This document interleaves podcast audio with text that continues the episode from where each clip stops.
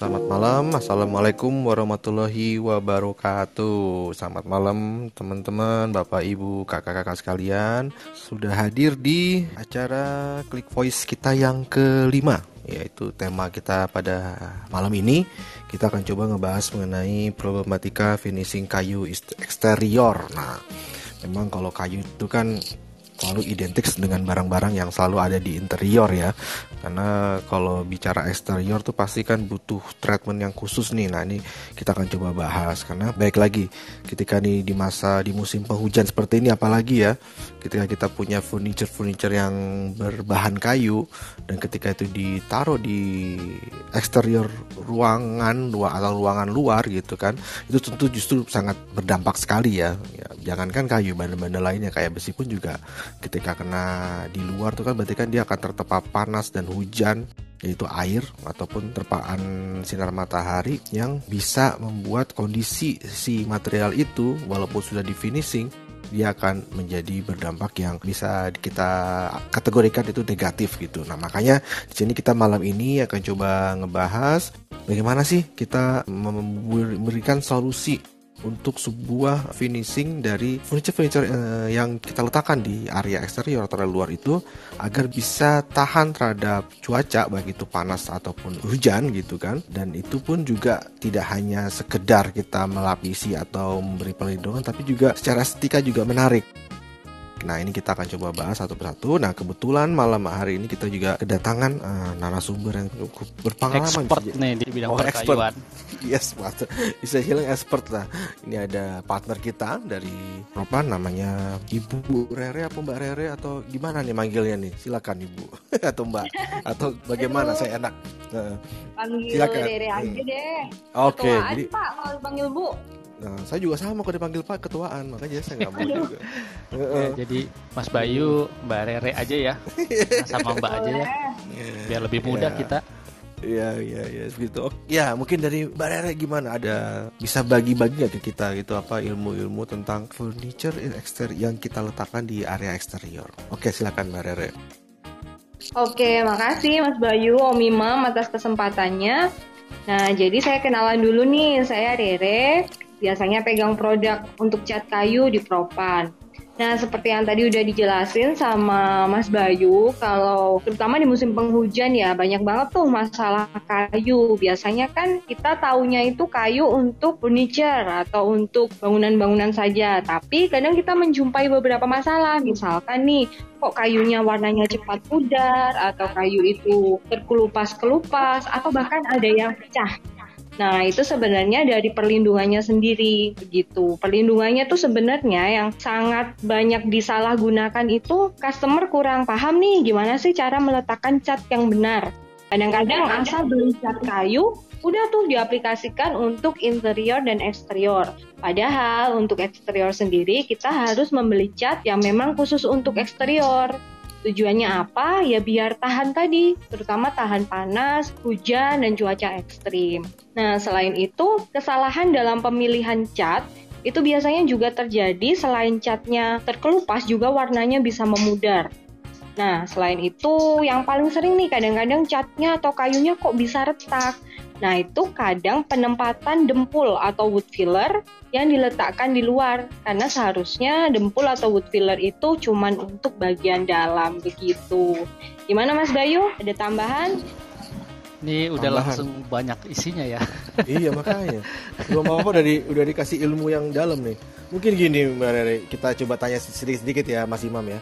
Jadi uh, mungkin buat teman-teman ini kan coba kita bikin simple gini mungkin ya ini kalau yang bicara sama expert emang dalam nih bicaranya makanya coba aku urai dikit ya mbak Rere ya. Mungkin pelan-pelan. Boleh boleh. Ini saking bersemangatnya ini. Iya makanya. Langsung dihajar. iya langsung semua ya? Eh, jadi gini deh.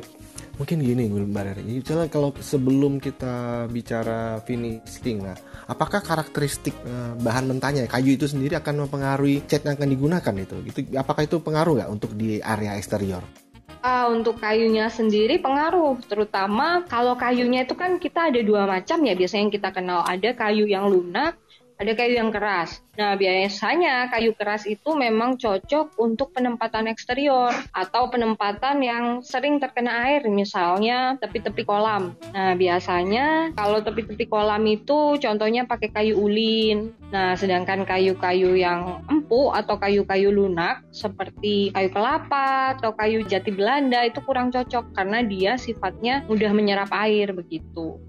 Nah, itu berarti kan kalau bicara menyerap air dan tidak itu kan kaitannya jadi apakah kayak ini eh, Mbak Rere kayak kayu yang misalnya yang dalam kondisi masih basah atau kering itu tuh gimana mengkategorikannya ketika dia akan di finishing uh, di area outdoor gitu? Nah, untuk area outdoor sebenarnya area outdoor atau indoor itu kita harus memastikan kondisi kayu airnya itu di bawah 20%, Mas. Karena kalau kandungannya itu di atas 20%, kayunya akan mudah berjamur atau berlumut. Nah, ini menarik nih, bisa 20% nih ada nggak uh, trik khusus untuk yang teman-teman ini apa yang mungkin sifatnya ada kan masih kan ada nih ya kan? Nggak semua orang yang pengen ngaplikasikan ini kan yang punya ilmu secanggih itulah. Tapi kan kalau misalnya ada juga yang sifatnya DIY yang duit yourself kan bisa dia mau bikin sendiri. Kategori 20% tuh gimana tuh? Bisa kita lihat secara harfiah kah atau tidak atau gimana? Ada cara tertentu? Atau emang nggak bisa sama sekali Oke, biasanya sih memang ada alatnya Pak untuk melihat kandungan air dalam kayu itu sendiri. Tapi gampangannya sih kita lihat kadang kan kayu itu kelihatannya kering, tapi pas disentuh dia kayak sedikit berair gitu, agak lembab. Itu berarti kandungan airnya masih tinggi gitu. Nah, sebenarnya ada beberapa obat yang untuk menahan jamur atau lumut itu keluar. Atau kalau memang mau cara simpelnya seperti kata Bapak tadi kalau DIY itu biasanya di oven atau dijemur begitu. Berarti sesimpel itu ya. Dengan di oven dijemur itu juga sudah cukup menolong ya Mbak Rere ya. Betul, cuman hmm, biasanya dengan dijemur atau di oven, kadang kan orang, misal nih penempatan rumahnya itu di area lembab atau area yang sering hujan. Nah, daripada kayu saya ditumbuhin lumut atau jamur, biasanya dia menambahkan aplikasi obat khusus. Nah, ini menarik nih obat khusus. Apakah itu nanti di produk-produk yang Mbak Rere usung nih, terutama produk propan ya? Apakah itu ada atau ada saran lain? Gimana Mbak Rere? Oke, kalau untuk wah ini sebenarnya ngobrol santai jadi jualan juga nih saya ya. jadi ya enggak dong, ini bukan jualan. Kita arahnya ya jualan sih iyalah, semua orang juga pengen jual tapi lebih ke pengennya kita tuh di sini ngobrolin manfaat kan ketika udah tahu oh caranya seperti ini lalu apa sih uh, treatmentnya yang harus kita taruh itu apa aja gitu loh Mbak Seperti itu sih mungkin. Oke, kalau untuk obatnya sendiri sih dari Propan nih ada Mas untuk menghilangkan jamur atau mencegah jamur itu tumbuh atau menghilangkan lumut namanya fungisidal dari Propan. Jadi kalau untuk furniture baru biasanya tinggal di spray saja satu kali lapis atau dua kali lapis. Nah kalau untuk menghilangkan lumut yang memang sudah terlanjur tumbuh nih daripada kayunya dibuang atau diaplikasikan untuk yang lain kan sayang. Nah biasanya lumutnya itu dibersihkan. Dibersihkannya bagaimana? Obatnya tadi disiramin nih, disiramin atau diaplikasikan secara dikuas atau di spray di atas furniture yang berjamur atau berlumut Lalu setelah itu ditunggu ya kira-kira satu kali 24 jam lah. Baru nanti kita KP jadi sisa-sisanya bersih. Setelah di KP nggak langsung dicat ya, harus kita siram dulu pakai air, kita gosok-gosok pakai sikat sedikit biar sisa-sisa lumutnya itu hilang. Setelah itu ya bisa dijemur atau kalau punya oven khusus furniture ya di oven. Kalau sudah yakin kayunya kering, lalu kita cat ulang seperti itu. Wah, simple banget ya ternyata ya. Nggak terlalu ribet sebenarnya kalau kita tahu metodenya dan tahu caranya gitu kan. Karena baik lagi kan eh, nggak semua orang kan punya ilmu seperti ini kan. Makanya ini sangat membantu sekali sih.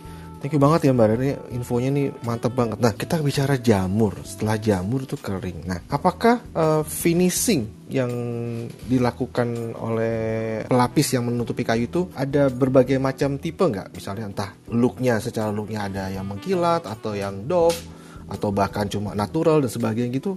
Ada nggak uh, Mbak Rani? Oke, kalau untuk obatnya sendiri nih dari Propan yang Propan punya itu tidak memberikan efek samping ya kayak tampilan akhirnya bagaimana. Uh, tidak begitu sih Mas, tapi lebih ke dia ngobatin aja secara natural. Jadi nanti kayunya kelihatannya ya seperti kayu biasa yang nggak diapa-apain gitu. Cuman dia ada proteksi khusus. Oh, jadi bener-bener raw material hanya dengan treatment tadi itu yang fungi itu dia tidak merubah sifat asli kayunya malah ya sebenarnya. Betul, kalau ingin memiliki tampilan yang gloss atau doff atau semi gloss atau satin ya itu nanti tergantung dari finishingnya. Nah kalau misal nih dari rekan-rekan sekalian inginnya finishing yang natural, silakan saja memilih cat yang clear namun shade-nya sesuai keinginan. Misal ingin glossnya tinggi ya berarti pilih yang glossnya tinggi. Dan yang perlu diingat untuk finishing natural itu hanya berlaku di interior ya. Sebenarnya di eksterior bisa sih, cuman untuk kekuatannya pasti bakal nggak tahan bakal nggak tahan. Nah ini menarik nih kalau bicara nggak tahan. Nah lalu apa sih solusi yang bisa diberikan sama produk-produk dari Mbak Rere ini, terutama Propan ini untuk yang bisa menarik perhatian orang bahwa finishing yang diusung oleh produk ini tuh menarik banget untuk di eksterior. Ada masukan nggak dari Mbak Rere?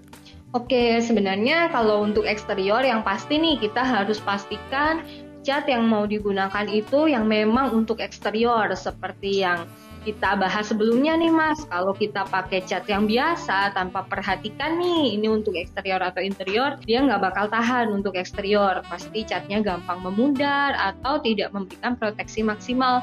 Bisa-bisa kayunya terbakar.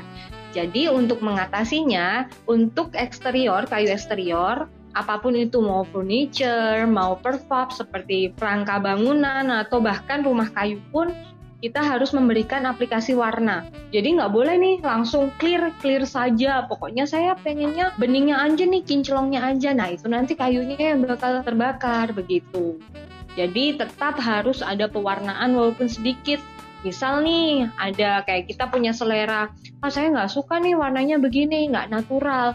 Nah lebih baik pilih cat kayu yang memang khusus eksterior, lalu diencerkan sampai batas maksimal saran dari produk tersebut. Lalu baru kita aplikasikan clearnya itu untuk yang satin atau yang gloss atau yang doff sesuai selera. Begitu. Sorry, berarti finishingnya juga banyak ya, nggak nggak terbatas ya? Kalau untuk produk eksterior itu sendiri ya. Jadi nggak kalah bersaing lah dalam hal varian warna yang dihasilkan gitu ya Mbak Rere ya. Iya betul, apalagi sekarang kan sudah macam-macam tuh mas warna kayunya, warna catnya, mau cat apa pun sekarang kayaknya bisa ya, apalagi banyak teknologi mesin tinting. Jadi mau kayu warna biru pun juga bisa. Ini menarik sih. Nah, aku juga sempat denger-dengar nih kalau bicara cat, apalagi eksterior kan berarti kan kita harus harus care lah minimal dengan efek limbahnya. Ini aku juga denger-dengar katanya bukan katanya malah bahkan Propan tuh dalam hal limbah tuh cukup care ya dalam produksinya maupun uh, apa produk yang dihasilkan. Apa benar gitu uh, Mbak Rere? Ah iya, untuk limbah kan pasti setiap pabrik nggak cuma Propan nih mas, pasti juga ada pengolahan limbahnya. Tapi di Propan sendiri juga mulai mendukung gerakan Go Green, di mana artinya kita mencoba sebisa mungkin menghasilkan teknologi baru yang aman, ramah lingkungan nih. Jadi kita biasanya pakai yang water base, pakai pengencer air, nggak pakai thinner lagi gitu. Nah ini menarik nih kalau bicara water base, berarti kan sum kalau water base tuh nih kalau kakak-kakak bapak ibu teman-teman tahu ya bisa kan cat tuh kan baunya menyengat ya nah kalau untuk water base itu gimana tuh, uh, Mbak Rere? Apakah seperti itu juga atau bagaimana? Kalau water base sih karena dari namanya sendiri sudah water ya. Nah, dia itu sebenarnya untuk kandungan utamanya itu berasal dari air. Jadi pengencernya pun air sehingga dia tidak berbau sama sekali, lalu uh, ramah lingkungan, tanpa toksik. Jadi aman juga nih untuk anak-anak atau misal rekan-rekan sekalian ingin mengecat rumah. Nah, kalau pakai water base nih perlu nunggu tiga hari sebelum pindah ke rumah baru langsung saja ditempatin begitu. Asal catnya kering, uh, sudah aman tuh ditempatin.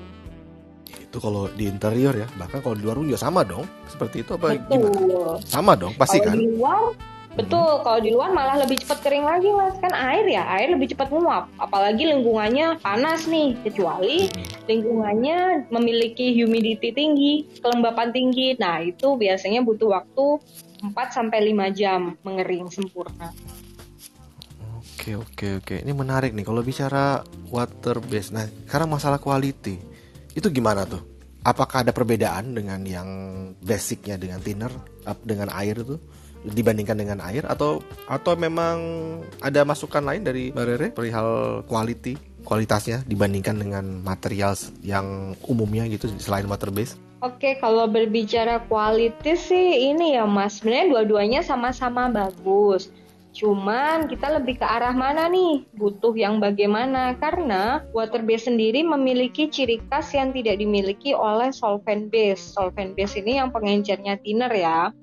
Nah, kalau water base ini sendiri dia tampilannya lebih natural. Jadi kalau orang yang menginginkan glossnya tinggi, kinclong gitu. Nah, water base ini kurang bisa memenuhi. Sedangkan si solvent base yang menggunakan thinner ini bisa memenuhi keinginan customer atau keinginan tersebut uh, siap pecinta furniture yang suka kinclong-kinclong. Nah, tapi water base sendiri punya kelebihan yang tidak dimiliki oleh solvent base, yakni dia tidak berbau. Kalau solvent, walaupun dia kandungan kimianya sangat rendah, pasti masih tetap berbau karena kan pengencernya thinner. Ya, ya, ya. Berarti baik lagi ya kalau kita mau bikin sesuatu harus tahu dulu tujuannya ya. Jangan sampai baru bikin baru tahu tujuannya kan. Jadi buang-buang dulu. Iya, betul. Iya, iya. Tapi yang jelas sepertinya Ropan lebih ngarah ke kenyamanan si pengguna ya. Karena kalau bicara bau kan masalah kenyamanan sama kesehatan ya. Karena kalau ketika aku juga dapat pernah dapat ini sih info bahwa sebaiknya itu sesuatu itu kalau misalnya itu berbahaya tidak terus berbau. Nah makanya ketika kita tahu itu berbau kan ujung-ujungnya pasti berbahaya kan? Makanya jangan sampai uh, sifat bahaya itu malah merugikan si usernya kan gitu. Makanya saya rasa sini uh, apa uh, solusi dengan water base ini pasti cukup menarik nih buat teman-teman bapak-bapak ibu atau kakak-kakak yang ada di room ini gitu. Tapi menarik juga sih ketika bicara kayu water base tapi itu oke okay, bu ya uh, secara ini ya uh, di tes dan sebagainya ya. Iya sih Pak, dari sisi keamanan bahkan kita juga ada beberapa produk yang dia sudah memiliki sertifikat keamanan. Jadi biasanya nih diaplikasikan untuk rumah sakit atau ruangan anak-anak, ruangan bayi kan biasanya butuh tuh sertifikat yang begitu untuk memastikan bahwa cat ini sangat aman bahkan digunakan untuk balita sekalipun. Iya ini menarik nih. Oke, kita balik ke tema nih, bicara yang outdoor-outdoor ini.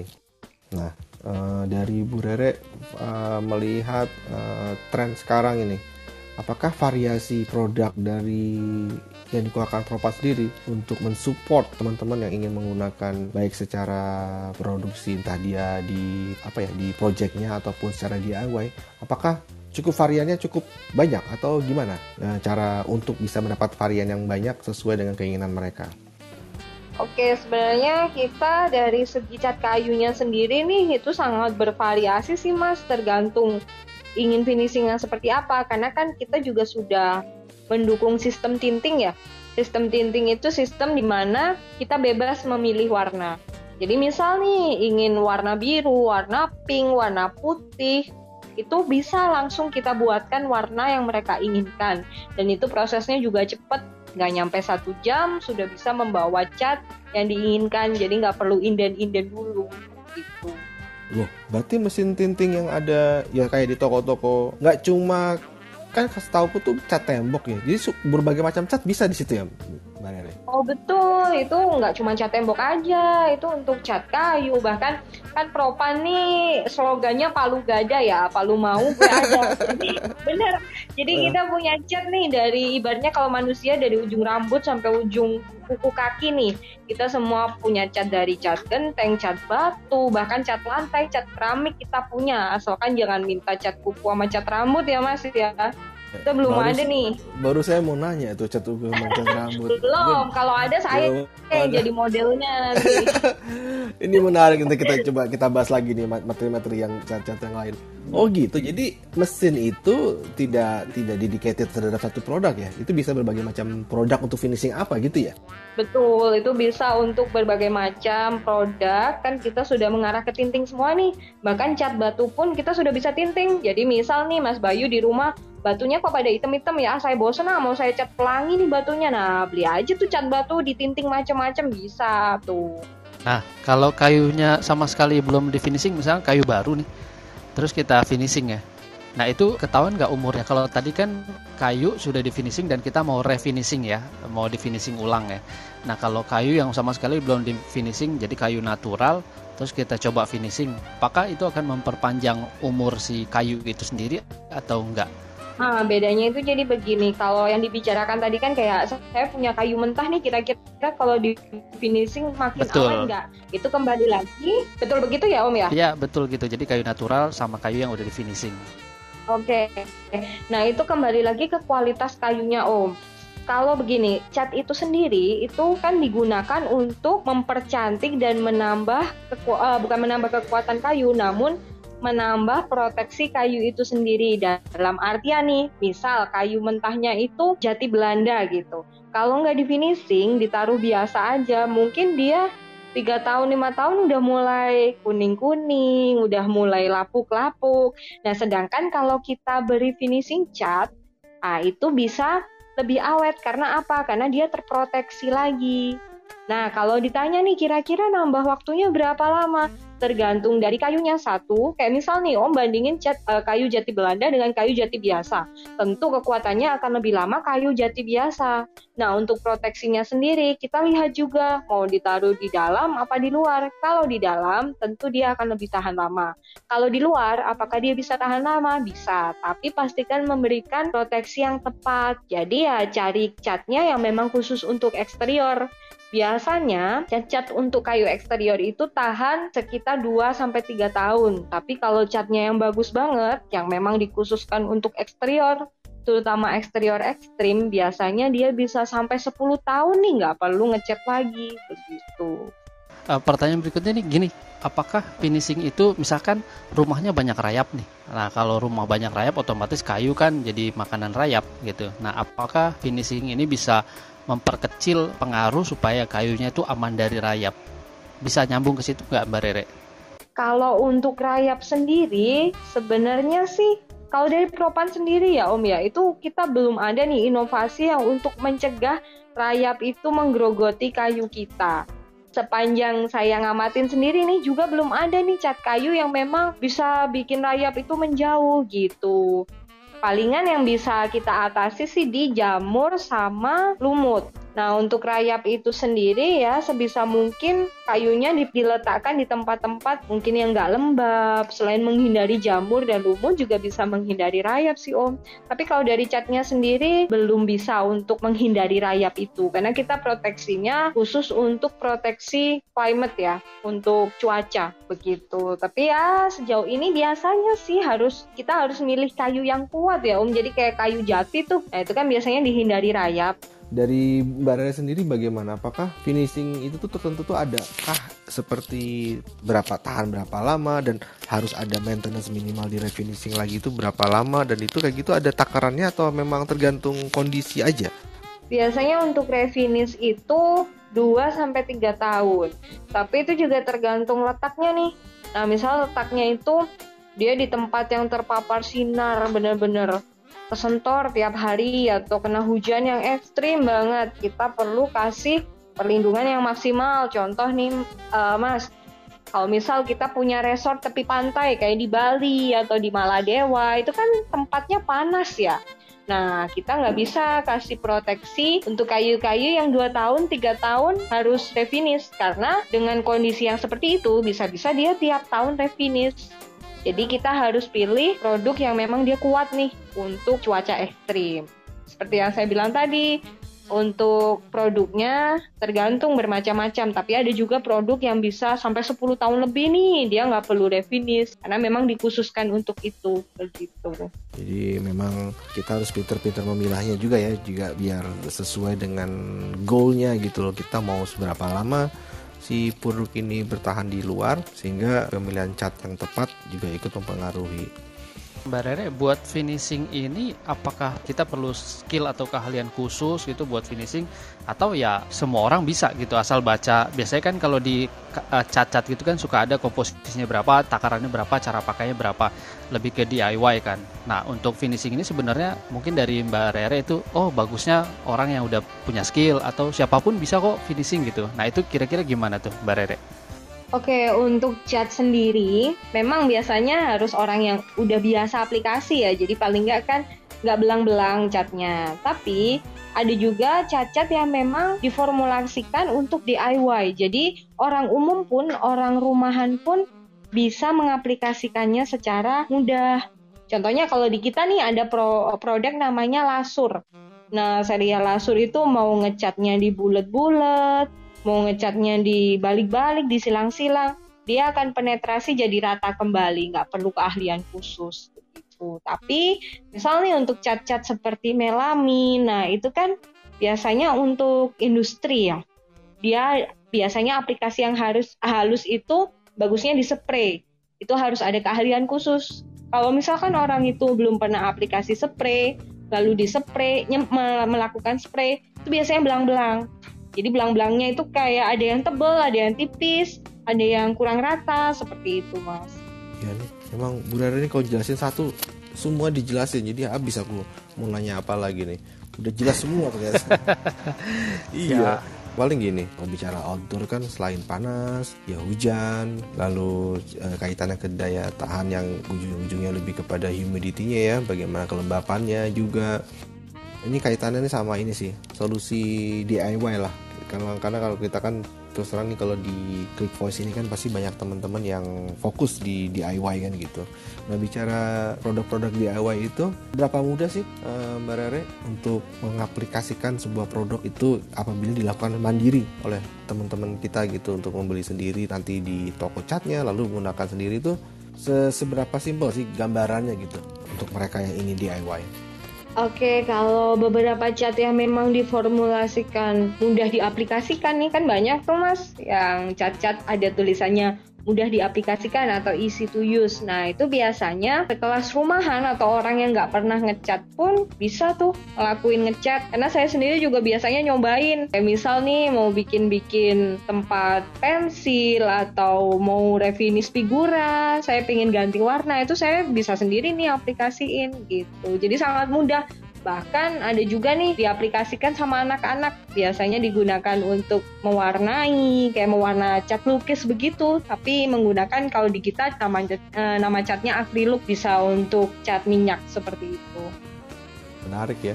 Ternyata eh, pengaplikasian itu tidak tidak tidak sulit ya harusnya ya dan dan gampang diperoleh juga dan dan gampang digunakan. Nah, ketika bicara quality akhir nih, uh, Mbak Rere, apakah ada klasifikasi tertentu untuk si aplikatornya, entah itu tukang dan sebagainya, dia minimal harus mengetahui apa nih, uh, Mbak Rere? Oh, kalau itu sih uh, untuk tukangnya sendiri, paling nggak kalau memang mengaplikasikan cat khusus ya, Mas ya, ya paling nggak tukangnya benar-benar baca instruksi Nah, itu pasti bisa sih mengaplikasikan chat, terutama chat dari kami ya, karena instruksinya sangat mudah dipahami dan memang disetting untuk easy to use. Kasarannya orang yang baru megang kuas aja nih bisa. Cuman ada beberapa chat yang mungkin harus diaplikasikan sama tukang yang sudah berpengalaman. Ya contohnya nih kita mau bikin tekstur atau kita mau bikin semacam efek marmer Nah, itu kan orangnya harus pernah cobain ya dan harus ada skill. Dan kalau bisa sih ngerjain satu bidang itu ya satu tukang. Karena namanya bereksperimen kan, misal bikin tekstur gitu, tekstur pakai dempul gitu. Kalau misal dikerjain dua tukang, satu imajinasinya ke kanan, satu imajinasinya ke kiri, kan nggak jadi bagus tuh hasil akhirnya. Kalau untuk skill sih mungkin lebih ke aplikasi cat-cat yang memang memiliki kebutuhan estetika khusus. Tapi kalau untuk yang finishing biasa aja, ya saya rasa dikasih training sekali lalu benar-benar memperhatikan udah langsung bisa melakukan aplikasi. Menarik nih kalau bicara training nih mendengar apa yang dijelasin oleh Mbak Rera itu.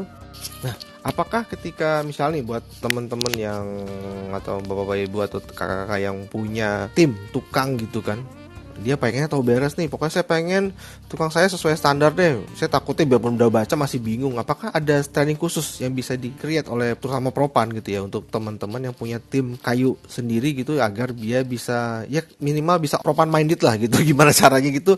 Apakah ada istilahnya tuh untuk berlatih atau training khusus atau bagaimana gitu? Ada Oh, kalau itu kita sangat ada nih Om untuk training-training karena kita sendiri juga suka nih ngasih training. Biasanya ngasih training sama saya kalau cat kayu. Jadi kita nggak cuman ke tukang-tukang aja ngumpulin trainingnya, tapi juga ke kampus-kampus dari mahasiswa. Kita udah latih nih biar mereka bisa berbisnis ke depannya tujuannya itu kita udah ada kerja sama sama kampus Binus, ada sama kampus ITB, ada sama kampus di Jogja. Jadi terutama untuk jurusan-jurusan yang interior design atau furniture, nah itu kita sering kasih kuliah tamu di sana dan sering kasih training. Kalau buat tukang, biasanya kita ketemu sama kontraktor atau interior design atau arsitek nih, kan biasanya punya grup tukangnya sendiri ya. Nah, itu kita kumpulin, kita minta tolong dikumpulin, nah kita kasih training.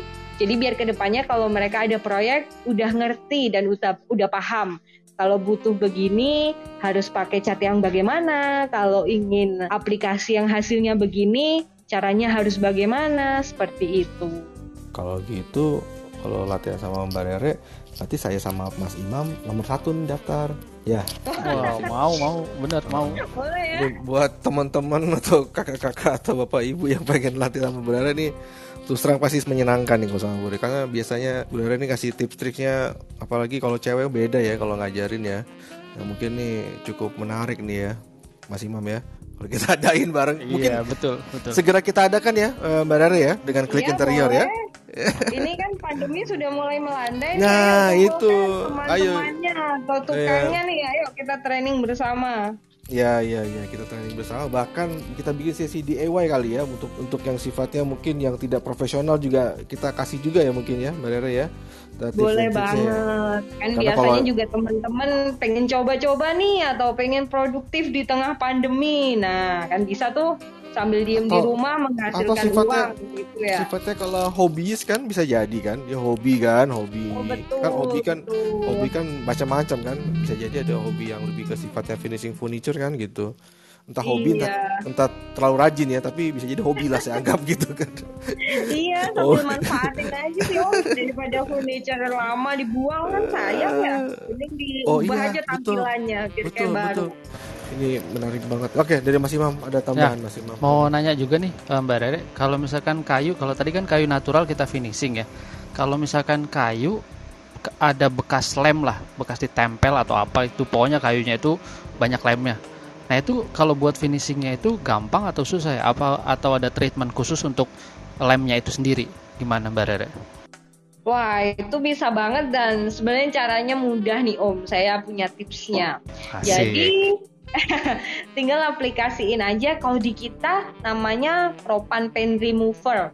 Ya sebenarnya semua pen remover itu bisa, tapi eh, tidak semuanya bisa menghapus noda-noda lem secara bersih.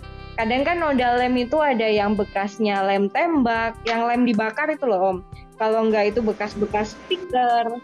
Nah, biasanya kan itu masih nempel ya, masih susah lah. Sampai kadang ada yang ngakalinya itu pakai minyak kayu putih, yang ada malah kayunya yang bau kan. iya Nah, betul banget bisa tuh Kayunya kayunya pakai- kerokan kayunya ya.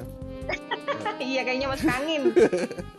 Bisa tuh pakai dari kita namanya Propan Pen Remover. Itu tinggal oles-oles aja tuh. Oles-oles, diemin 10 menit, udah kerok aja pakai kape atau pakai koin juga boleh tuh kalau kata Om Bayu masuk angin ya. Nah, itu udah langsung ke kelupas baik cat maupun lem ataupun juga lem yang dibakar itu semuanya bersih. Nanti kayunya bakal jadi seperti kayu mentah yang masih baru begitu. Berarti itu kan eh, kuat banget ya itu pen removernya. Nah buat ke tangan apa ada maksudnya nggak boleh kena tangan atau kita harus pakai sarung tangan khusus gitu supaya nggak kena tangan. Kayak power glue kan sekali kena tangan kan nempel itu kan. Nah kalau pen remover ini sifatnya kayak gimana mbak? Nah, jadi pen remover ini bener nih, wah Om Imam ini sangat kritis sekali ya kalau buat Ya kayu dong. atau Ketemu Oh, expertnya iya. ya Mas Bayu ya kita mesti tanya bener-bener jangan sampai salah kita.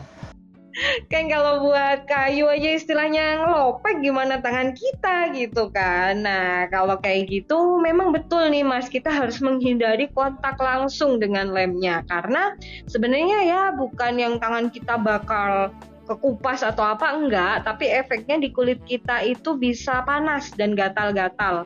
Nah, kalau orang yang sensitif banget nih, biasanya kulitnya memerah begitu. Jadi, bisa pakai sarung tangan kain yang biasanya digunakan untuk cabut-cabut rumput tuh, Mas.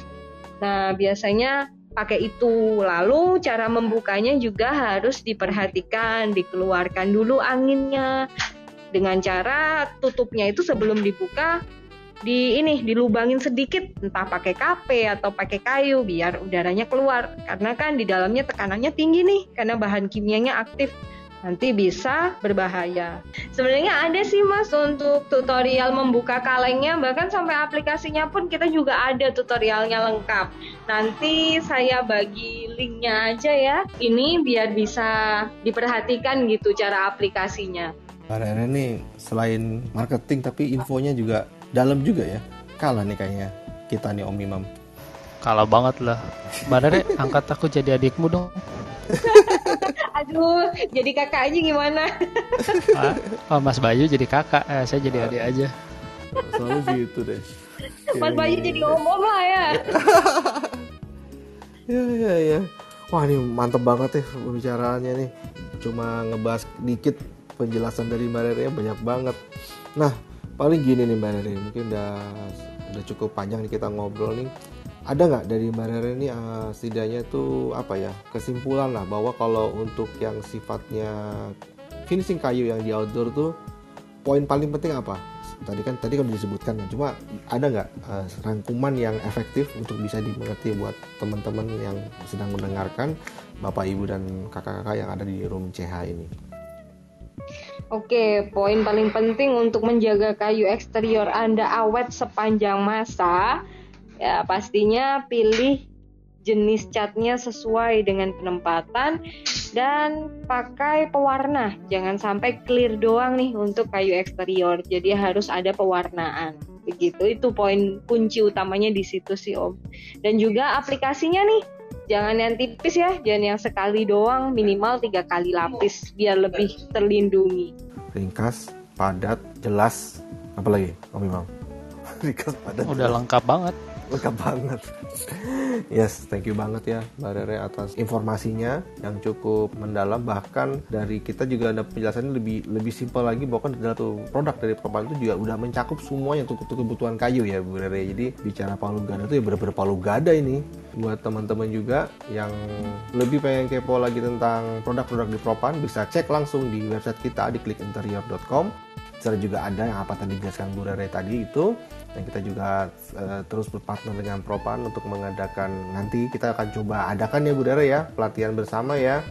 Baik itu dari sifat yang DIY atau buat teman-teman yang punya tim tukangnya yang ingin bisa di upgrade skillnya sehingga nanti bisa menghasilkan produk-produk yang bermutu dan sesuai dengan standar dari produk yang sesuai dengan finishing yang sudah dibuat oleh Propan sehingga hasil-hasilnya tuh baik lagi ya ujung-ujungnya kan, kan kalau buat teman-teman yang punya workshop ini kan ujung-ujungnya kan juga di sell di sell kembali kan dijual kembali. Sehingga hasil penjualan dari barang yang menggunakan produk papan itu menjadi bernilai tambah tinggi dan ujung-ujungnya teman-teman juga mendapat cuan yang bagus ya gitu. Jadi intinya Propan selalu bersama Klik Interior akan selalu mensupport kegiatan teman-teman Bapak Ibu dan kakak-kakak sekalian dalam usaha uh, interiornya. Sehingga kita bisa mendapatkan manfaat langsung ya apa yang sudah dikeluarkan oleh vendor termasuk kayak Propan ini ya terutama dia cukup ternyata Propan tuh cukup ini ya Bu ya lebih cukup apa cukup care dengan kondisi uh, market Indonesia sehingga apa yang dikatakan market Indonesia benar-benar dipenuhi oleh Propan. Makasih Mbak Rere udah mampir-mampir ngobrol di Click Voice yang kelima ini. Terima kasih banget banyak ilmunya, banyak sharingnya dan juga uh, kita nanti kan ini jadikan rekaman jadikan podcast nah biar bisa jadi banyak manfaat lagi buat lebih banyak orang yang bisa mendengarkan ya gitu Mas Bayu oh, iya. Mbak Rere Terima kasih loh atas undangannya sama Klik Interior ini sangat impresif sekali ya karena saya juga udah beberapa kali mengikuti Klik Interior baik dari blognya maupun ada acara-acaranya bahkan ngobrol-ngobrol santai. Klik Interior juga dari segi orang-orangnya nih membernya sampai segi materi-materi kontennya juga berbobot dan cukup aktif terutama di tengah-tengah pandemi masih sering mengadakan webinar-webinar yang tidak kalah seru dan banyak ilmunya. Terima kasih loh Om Imam, Om Bayu sering bagi-bagi iya. ilmu sama-sama gitu. Jangan lupa stay tune terus, kita selalu ngadain seminggu sekali untuk tiap hari minggu uh, malam jam 7 uh, eh, acara Quick Voice yang kita adakan regularly dengan berbagai macam tema yang berkaitan dengan interior. Dan mungkin juga kita akan ngobrol lagi sama Mbak Rere ya. Next ya Mbak Rere ya. Oh iya boleh boleh. Tapi jangan ya. lupa ya cari cat cari propan. Asik. Tagline-nya nggak pernah tinggalan tuh. Ya gua iya gua perjelas ya. Ya iya, perjelas lagi sekali lagi. Ya buat teman-teman yang mau cari cat jangan lupa cari cat cari propan. Cari betul ya? propan. Siap siap. Siap. Siap silakan Om Imam. Ya, terima kasih buat teman-teman buat hadir uh, di Click Voice yang kelima uh, dengan tema problematika finishing kayu eksterior dengan narasumber dari Mbak Regina dari Propan dan juga terima kasih buat Mas Bayu yang udah jadi moderator. Karena acaranya kita sudah di penghujung, sekarang kita mau selesai dan kita akan tutup uh, Click Voice kelima kali ini. Sampai jumpa di Click Voice yang keenam dengan tema-tema interior yang lebih menarik tentunya. Terima kasih teman-teman. Saya tutup dalam hitungan 5 4 3 2 1. Selamat malam.